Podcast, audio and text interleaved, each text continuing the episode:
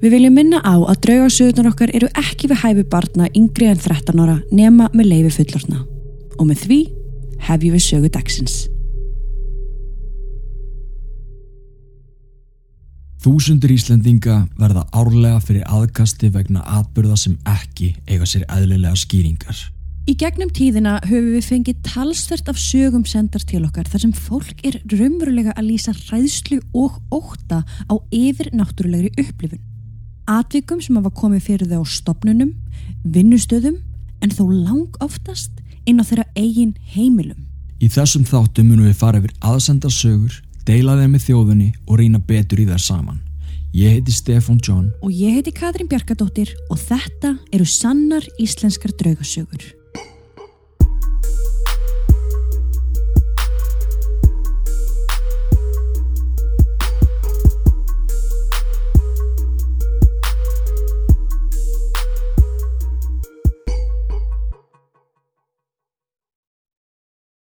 Áður en við byrjum er rétt að taka fram að sögurnar sem teknar eru fyrir í þessum þáttum eru ekki í nefni ákveðnir tímaröð sem þar eru sendar okkur, heldur af handahófi.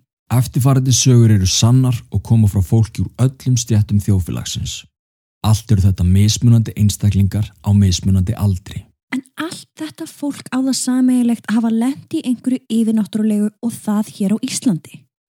Orðalagi og uppröðun hefur lítilega verið breytt til þess að koma sögunni sem best til skila en að öðru leiti eru frásagnirnar nákvamlega eins og þær bárust okkur. Sögurnar verða sagðar í fyrstu personu eins og þær eru skrifaðar og eftir hverja sögu munum við Katrín taka örstuðt spjall. Saga 1. Sambúðin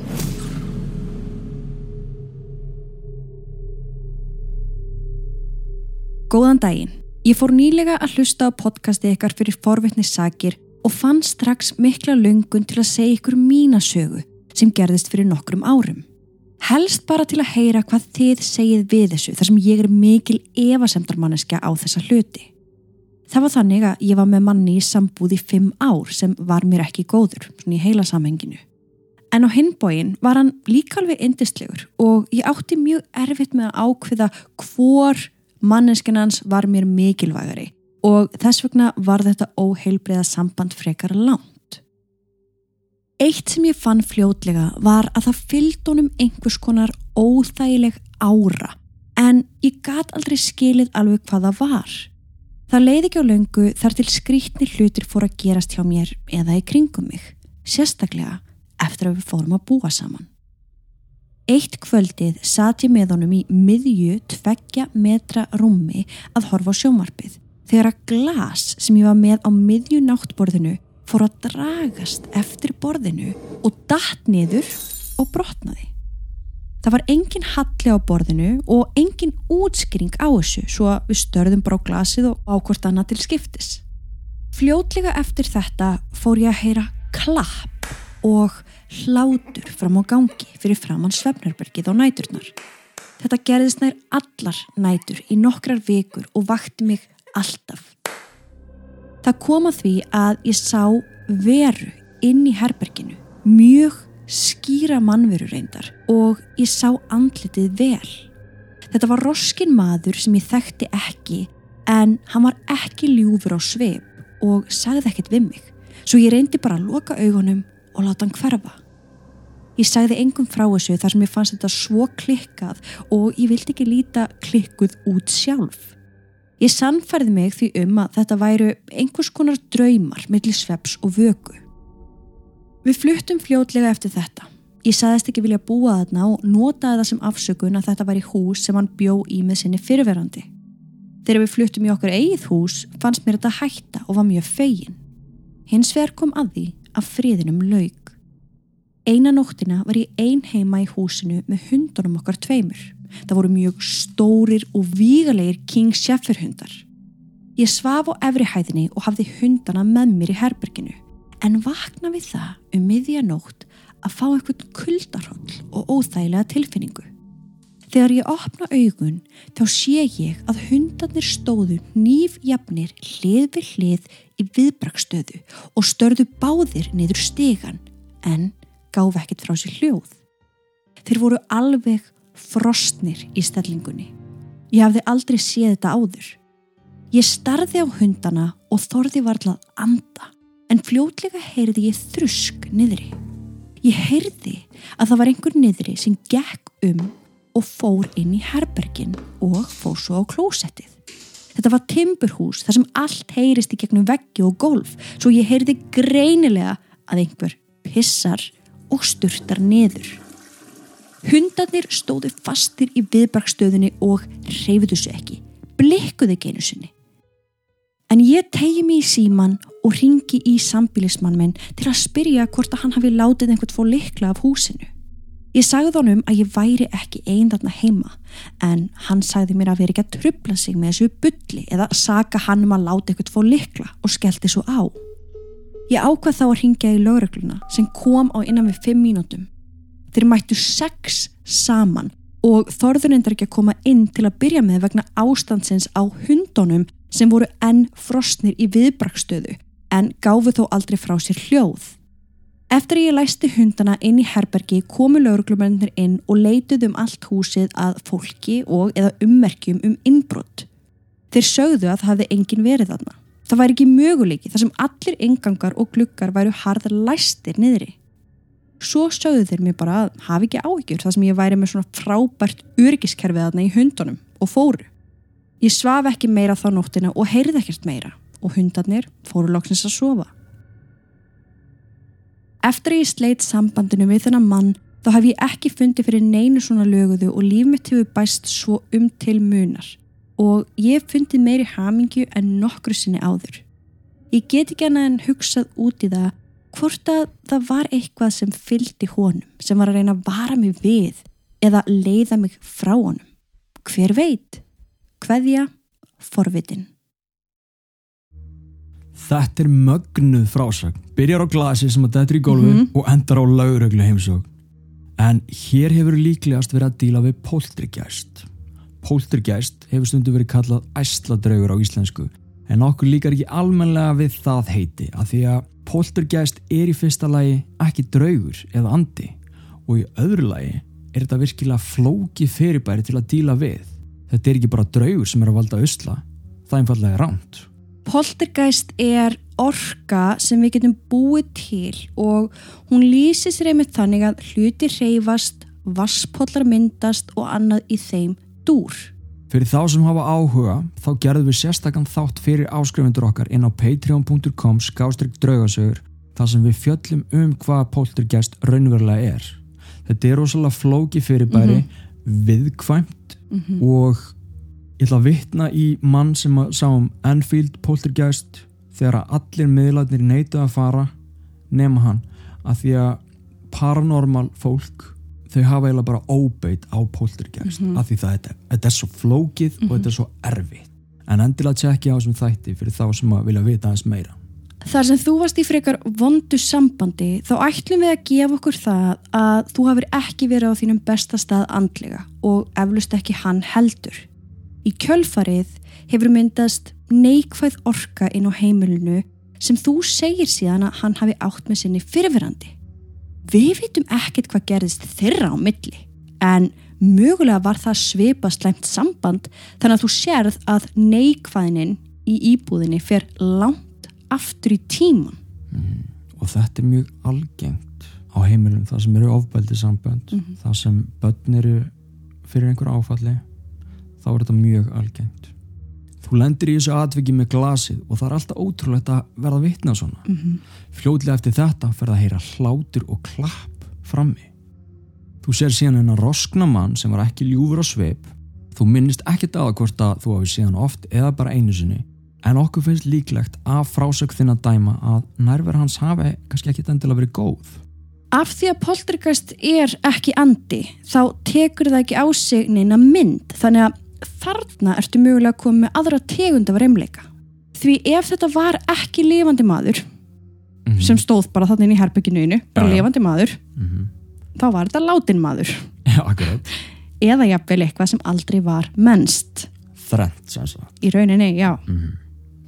og svo gerist þetta stóra atvik þar sem þú ringir í lögurkluna hundarnir finna fyrir nervurðarna og þú heyrir greinilega í einhverjum niðri, fara hann í herbergin, fara á klósettið og styrta niður. Í svona aðstæðum trúum að varla neinu öðru en einhver aðili hafi bara komið að neinn -hmm. og einmitt gert það. Og þú trúir því líka, þess vegna ringið þú á laurugluna. En svo finnst enginn og þá er alveg nokkra spurningar. Er einhver möguleiki á að þú hafi glemt að læsa einni hurð Mhm. eða einum glugga? Er einhver möguleiki á að þessi manneski hafi náða að forða sér áður en lögreglun kom á staðin? Er einhver möguleiki á að aðilin hafi geta falið sig svo vel að lögreglan hefði ómögulega geta fundið hann?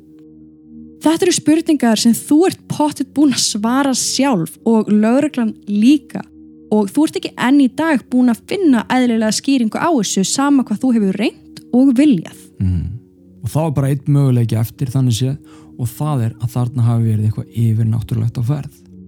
En þessi lýsing getur passað við poltergeist eins og við töluðum um aðan, almennan draugagang eins og við köllum á stundum eða jafnvel residual eða endurtekna orku, atvik sem að gerðist einhver tíman í þessu húsi og gerist svo bara aftur og aftur og aftur. -hmm. Svo hættur í þessu sambandi og þá hættur að verða vör við þessi atvik. Sko, við, við gætum í rauninni gert heilt handrit um þessa frásögn og farið Já. út í allt sem við höldum að hafi verið hér á ferð en við ætlum að gefa okkur það að eftir sambandslitin sem hafa eflust verið erfið þá á einhverjum tímapunkti hefur byrjað að byggja þig aftur upp og eins og þú lýsir því þá hefur aldrei verið hamingjusamari. Með því að byggja þig upp þá styrkir þú varnirna þínar og þá er hægt að horfa einmitt í hina áttina og sjá að þegar maður er í neikvæðu umhverfi þá veikjast varnirnar okkar. Þegar maður með veikar varnir þá er auðveldra fyrir alls konar verur og orkur að komast að okkur. Akkurat. Já, við erum nokkuð vissum að þetta hafi tengst þessum manni á einhvern nátt. Já. Þó við getum ekki alveg sagt nákvæmlega hvernig það sem við þekkjum ekki til hans. En fólk með neikvæðar hugsanir, fólk sem beitir ofbeldi, andlegt eða líkamlegt, laðar að sér vondar verur. Því þau verðið átt ykkur á að allt í kringum okkur eru orkur, við erum orkur og það eru alls konar verur í kringum okkur bæði góðar og slæmar. Slæmar verur nærast á vondri orku og gjössamlega sogast að henni. Þannig að já, líklegast var þetta tengt honum og í kringum hann, sérstaklega það sem þú eru ekki orðið vör við neitt síðan þá. Hvort að einhver hafi verið að vara þig við, það er alveg möguleiki. En líklegast þykir okkur þó að þetta hafi verið neikvæðir andar í kringum hann Mm -hmm. Sem hafi síðan byrjað að ásækja þig Já. og svo poltergast orka sem hafi myndast út af dýnamíkinni í sambandinu ykkar á milli. Já. Vonandi fannst þið fróðulegt að diskutera þetta með okkur. Takk fyrir sögunæina og gangiði vel. Saga 2. Þeir sem elda mig.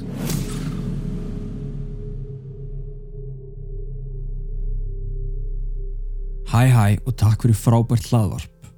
Ég hef alltaf fundið fyrir því að það sé einhver að elda mig, bæði gott og slæmt.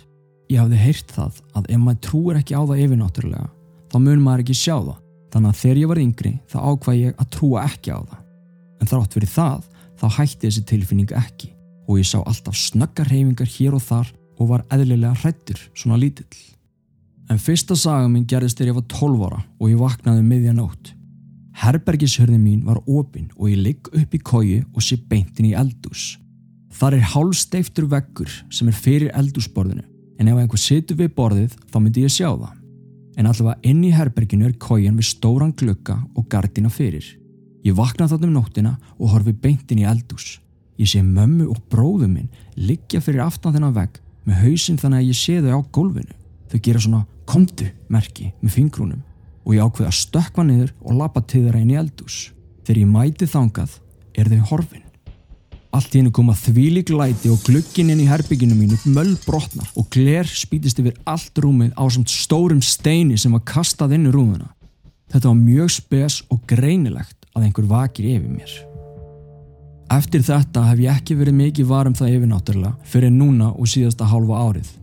Ég og konan fluttum inn í íbúð í Kópavogi í ágúst 2021, nýlegt hús byggt árið 2007. Það var bara ein fjölskylda sem hafi búið þarna undan okkur sem svo flutti þannig að það er ekkert sem fylgdi þeim hérna eða held ekki allavega.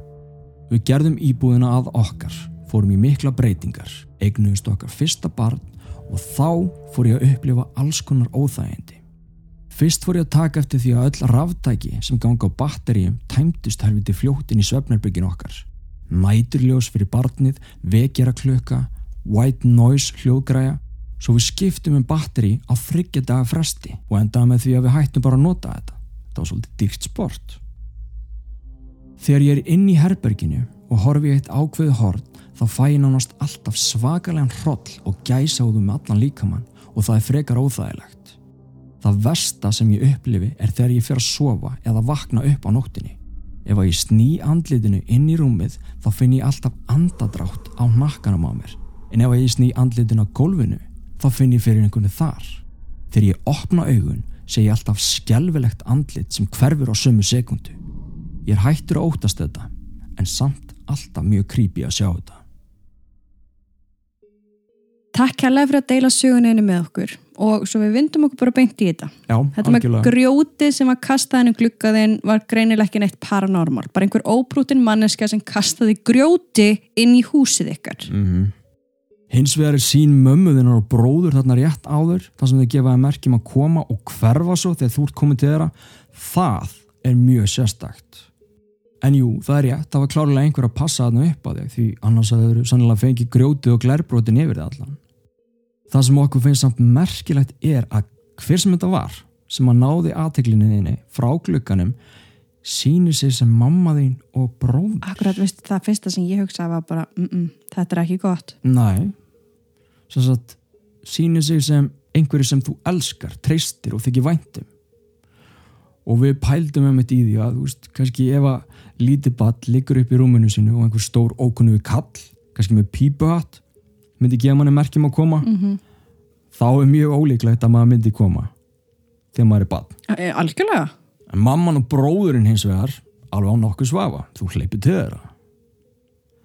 Svo það sem stendur svolítið eftir er hvers konar andi getur sínt sig sem annað fólk sem maður þekkir Mitt, venjulega geta það nefnilega bara sínt sig sem svarta eða hvíta skugga í mismunandi stærð. mm en sem aðrir fjölskyldumæðlumir ég held við kunnum ekki alveg skýringa á því nema að þetta sé eitthvað sem kallast doppelganger eitthvað djöfulegt en samt þá myndi andin ekki forðaðir fráhættu heldur einmitt þver öfug Það er nefnilega máli. Ég hugsaði fyrst doppelgengur. mm -hmm. En svo bara býtunum við. Já, Af hverju þá samt? En þá líka getur maður hugsað, kannski var þetta bara algjör tilviljun. já, já, já, já og nema þá, þú veist, einmitt mögulega var þetta afl að vinna þeir einn tröst Já. En við vitum ekki meira en það sem fylgir hér og það er mjög áhugavert að pæla í þessu og það er alveg miljón spurningar sem við myndum vilja spyrja þér. Næst viljum við óskökur hjónum til lökum með nýja húsið og barnið ykkar. Við vonum að allt hafi gengið vel í þessu COVID-dæmi hérna síðustu ár. En andar og draugar fylgir ekki alltaf fólki. Svo þó að fólkið á undan ykkur sé flutt út, þá veit maður aldrei hvað fer með þeim og svo hvað verður eftir. Akkurat. Besta dæmið finnst okkur og þá yfir allan heiminn litið því við höfum gert yfir 300 podcastætti Mm er um sjálfa Solborgu Jónsdóttur. Akkurat. Hún lést hinum einu landinu og andi hennar er í höfða í Reykjavík. Húsi sem var ekki eins og til þegar hún lést. Þegar eina ben flytur svo úr höfða þá er Solborg samt eftir. Þannig að það er bókstala allur og alls konar gangur á þessu. Jafnvel var eitthvað á lóðinni löngu áður en húsið ykkar var til. Akkurat. Enga síður, þá hef ég þið framkvæmdir sem eru vel þekktar að hýfi upp draugagangi húsum sem var kannski ekki einu sinni fyrir. Emitt. Svo lýsir þú hennum típiska er húsið mitt reynd tjekklista. Rammagstæki, batteri, hljóðgræjur og ljós fara öll að bila eða raforkan í þeim tæmist óvinju hratt. Það fylgjaði margar tilfinningar og breytingar í því að vera með nýfætt barn og þó gleðin sér ríkjandi þá koma auðvitað líka upp erfiði tímar, svefleysi og svo framvegis, við þekkjum þetta. Og það ítir oft líka undir draugagang. Þú sér andlit og finnur greinlega fyrir nærvörunni og spurninga okkar til þín er hvort að aðrir í fjölskyldinu þá konaðin einhver aðrir en þú hafa tekið eftir þessu líka. Já. Við hvetjum þið allavega til þess að skipa hverjum sem er að láta þig í friði. Þetta sé þitt hús og það sé alls ekki í bóði að nálgast ykkur í svefni. Næst var ég líka sniðugt að reynsa vel með seitsi og ég vil fara með bænir fyrir svefn ef þú ert trúaður, þó það sé bara gert í hljóði. Og seinast en ekki síst að sína ekki hræðslu. Mm Það gefur þeim orku og meira að segja vald yfir þér og það gengur ekki. En okkur heyrist einmitt að þú hræðist þetta ekki svo mikið lengur og það er einmitt gott að heyra. Þannig að gangi þér og ykkur bara ótrúlega vel. Skoðuðu áskriftarleðinar inn á patreon.com skástrygg draugarsögur. Á ringbraut í vetur ætlum við að ferðast á draugalegar slóðir. Heimsækja venjulegt fólk sem býr við reymleika og skoða sláandi sönnunagögn sem við steppi höfum náð á þeim tíma sem við höfum starfað sem paranormal rannsakendur. Svo fylgstu vel með á ringbraut í vetur. Því hvort sem þú trúur á draugað ekki, þá eigum við það öll sameigilegt að vera forvitin að vita hvað gerist eftir að við degjum.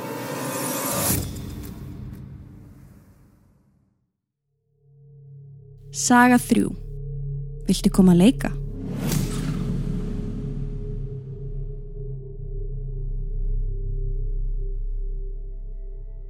Hér erum við með konu sem að sendur okkur þrjár sögur og ég held að væri gaman að ræða hverja sögu útaf fyrir sig. Hæ, ég er lengi búin að vera að velta fyrir mér hvort ég ætti að senda ykkur sögur af því sem ég hef upplifað en síðustu tvo daga er ég búin að hlusta á allar sögurnar í podcastinu og ákvað að láta verða að því. Upplifanir mínar eru þó nokkrar en ég sendi ykkur allavega þrjár sögur núna sem eru reyndar soldið á víð og dreif en læta duga í byli. Fyrsta upplifun gerist þegar ég bara úlingur, sennileg kringum fermingaaldru eða svo. Ég bý hjá fóreldrum mínum á samt sískinu mínum. Við búum á Östurlandi og þarna byggum við í tveggja hæða húsi rétt hjá kirkjugarðinum í bænum.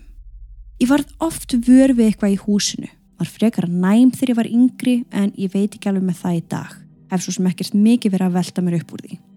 Þetta atvik átti sér stað þegar ég var að passa sískinu mín og meðan mamma og pappi voru úti að skemta sér. Yngsta sískinni mitt var farið að sofa og ég og miðjan sátum í stofinu að horfa mynd. Við verðum bæði vör við það að það var alltaf einhver að lappa í þremur efstu þrepunum í steganum og voru við vissum að svo yngsta væri að læðupokast eitthvað. Þannig ég fór upp til þess að tjekka á henni. En nei, hún var steinsofandi í rúminu sínu. Eftir smá tíma fóru við að heyra þetta aftur og ég hugsaði með mér bara oh, þetta er brak í steganum en svo fór þetta að verða meira og meira fara neðar og neðar í stegan þetta var farið að fara svolítið í taugandan á mér og við vorum farin að heyra eins og það væri einhver að hlaupa upp og niður stegan og fótatökin heyriðust alveg greinilega það kom alltaf smá pása á milli hlaupa en það var alltaf tekið ströyið niður stegan og svo upp aftur og svo pása við vorum bæði frekar smeg Þetta var óþægilegt því það sást engin í stíganum. Eftir að þetta var búið að gerast nokkru sinnum, lappa ég upp í annað þrepið í stíganum og kalla. Viltu hætta þessu? Við erum að reyna að horfa á sjómarpið. Og rápið hætti. En þegar ég var að snúa mig við til þess að lappa niður stígan, herði ég að það var lagt af stað niður stígan á hlaupum og ég fann að það var eins og hlaupið var í utan í aukslin á mér og svo var þögn. Ég fann alveg fyrir þessu eins og það hafi verið manneskja að hlaupa utan í mig. Ég var freka mikið smeg, fann að ég svitnað af hræðslu og fór og settist í sófan aftur. En við urðum ekki veru meiri lætið þetta kvöld. Það voru fullt af fleiri upplifunum í þessu húsi en læt þess að duga í byli. Ok, í fyrsta lagi þá ertu 14 ára þegar þetta gerist og í öðru lagi þá höndlar þessar aðstæður eins og faglegur draugar ansaka. Algjörlega. Þetta er eina saga einn sem gerist í þessu húsi mm -hmm. þannig að við vitum ekki um öll hinn atvikin sem áttu sér þarna stað en þarna hefur vissulega einhver verið á ferli. Kanski var þessi andiarinn að láta taka eftir sér eða mögulega var þetta residual eða endurtekinn orka frá kannski barni sem hljópa oft niður stegan aftur og aftur. En þú allavega ákveður að herða upp hugan og skipa þessari veru að hætta og það gerðu hún. En hún þurfti samt að hlaupa einu sinni niður aftur og rekast í þig. Mm -hmm. Bara svona, já, að lokum. Þú talar um að þið hafa orðið hrætt eðlilega. Og ég er nokkuð vissum að 90% af fullorðnu fólki er þið hrætt í þessum aðstæðum. Hvað þá börn, Já, en þú talar ekkert um hvort að þú hafi fundið fyrir slemri eða góðri orku.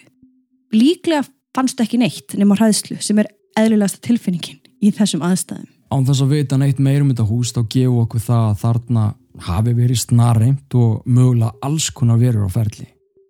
Hver þessi hressa vera var getur við ekki alveg sagt til um en þú höndlar á minnstu kosti aðstæðin svo fagmaður. Bravo! Saga 2 Ég flutt í annan bæ og bý ein með stelpunum minni sem er rétt rúmlega einsás eða réttur að sagt einsás og 45 mánuða cirka. Ég seti í sófanum í stofinu að horfa á teiknumindir og skellibjallan er á gólfinu fyrir fram að mig að leika sér á dótinu. Allt í einu stendur hún upp og fyrir að hlaupa út um alla íbúð með hendurnar út eins og hún sé að elda eitthvað eða einhvern. Og þá var rosalega gaman hjá henni. Hún var skelli hlæjandi og með svo bjart og hamingjusamt bros. Ég vissi ekki alveg hvað ég ætti að halda eða hvað væri eiginlega í gangi en vildi samt ekki tröfla hana. Ég var ekki með einu að slæma tilfinningu fyrir þessu eða neitt svoleiðis. Eftir stuttastund stoppar hún við útidrahurðina og segir Ok, bye bye og lappar svo aftur að dótakassanum sínum og sest á gólfið og fyrir að leika sér. Þá svona aðeins fer ég að hugsa og verð hálf skelkuð. En því meira sem ég hugsa um þetta atvik því vissari er ég um að þetta hafi verið afi heitin en hann lést úr krabbamenni einu og hálfum mánuðum áður en þetta gerist og ég er enn í dag eiginlega bara alveg vissum að þetta hafi verið afi að koma og kíkja aðeins á okkur og mér þóttir ósala vænt um það og finnst alveg indislegt að sjá hvað stelpan var ánægð þegar á þessu stóð. Ok, þetta er falleg frásögn og eflust er rétt hjá þér að þarna hafi verið afi kallin og ferð. Við höfum oft talað um að börn eru opnari og það alveg til 12 ára aldus og þau eiga til að sjá og upplifa mun meira heldur en fullorðið fólk. En það er misjamt hversu hrætt þau verða. Sum verða virkilega skelkuð á meðan önnur og þar á meðal þín hafa bara gaman að þessu. Já. Ég get líka sagt þér að ef þetta var afiðin aðna þá hefur þetta verið virkilega gaman fyrir hann líka Já. og þá að hún hafi ekki orðið hrætt við hann. Þriðja sagan. Ég bý ein með dóttu minni og við erum fluttar aftur í gamla bæin og búum í sömu götu og þetta tiltekna hús í fyrstu sögunni. Dóttir mín er að vera tveggjára þegar við búum aðna. Alltaf vaknaði hún á miðnætti, á slæginu, öskrandi og grátandi úr hræðslu. Ég fór inn til hennar og tek hann upp úr rúminu og fer með hana inn í mitt herbergi að sofa. Þetta var eiginlega orðin bara svona rútína. En ég sá aldrei neitt fann bara fyrir óþægindum inn í hennar herbergi en bara á þessum tíma. Ég viðkynni það samt alveg að ég las ekkert mikið í það akkurat þarna. Eitt kvöldið var verra en öll hinn kvöldin. Stelpan vaknar á miðnætti og gefur frá sér öskur og grátur sem ég bara aldrei nokkuð tíman heyrt frá henni áður. Hún var svo styrluð úr hræðslu. Ég kveiki ljósin og tek hana upp úr rúminu og strunsa út úr herbergin hennar. Hún er með rispu á vinstri handlegg alveg frá upphandlegg og niður. Ég veit ekki hvort hún hafi gert þetta sjálf eða ekki en ég lokaði herbergin hennar og fer með hana inn í mitt herbergi, loka hurðinni og leggst með hann upp í rúm. Þegar við leggjast upp í rúm þá er lamið svo fast í veggin inn í hennar herbergi. Það er einn veggur á milli og svo fataskapur á vegnum mínmein sem skilur herbergin að. Og það var svo fast að ég held að það kæmi í gegnum veggin. Ég varð skítrætt og svaf ekki mikið þessa nótt en held fast utanum stelpuna mína. Öll kvöld eftir þetta í þessari íbúð svaf stelpan í mínu herbergi og ég slökti á sjómarbi og öllu saman um 22.30 kveikti á kertum og bað til afaheitins um að passa upp á litlu stelpuna mína. Sem betur fer fluttu við úr þessari íbúð stuttu eftir þetta. Ég kýsa að koma ekki undir nafni en langar að segja ykkur hvað mér finnst þið verið að gera frábæra hluti og hlakka til að fylgjast með ykkur á skjánum á ringbraut ásamt í auðvita að hlusta á podcastið ykkar. Hér aftur er einhver sem að þú ekki sérð að nálga stelpuna þína en í þetta skipti greinlega eitthvað neikvægt. Mhm. Ef að hún gerir sér klórfur ekki sjálf þá er það graf alvarlegt mál en vissulega erfitt að segja til á einmitt þessum aldri sko. og erfitt af því þau getur svo auðveldlega klóra sér sjálf já, já, en á sama tíma af því svo heldur maður áfram að hlusta söguna, lesa þessa sögu og þá byrjar að tala um þetta háa bank já. sem þú heyrir í vegnum Mm og ég held að það staðfesti fastlega að þarna var greinilega einhver að sækjast í ljósið hjá dótturðinni. klálega í hvaða tilgangi veit maður ekki en það er alveg gott að þið flutti að lokum út því að þetta hefði kannski bara orðið virkilegt vandamál Algjörlega. Takk fyrir sögurnæðinar og gangi ykkur vel. Við viljum byrja á því að þakka öllum höfundum fyrir sögur vikunar og ykkur hinum kærlega fyrir að hlusta. Endilega kíktin á patreon.com skástrygg draugarsögur. Sannar íslenska draugasögur er vikulegt hlaðvarp sem kemur venjulega út á föstu dögum klukkan 12 á hádegi. Svo lengi sem okkur halda áfram að berast sögur frá ykkur í gegnum draugasögur at draugasögur.com mert aðsendar sögur. Takk fyrir að hlusta og þanga til næst.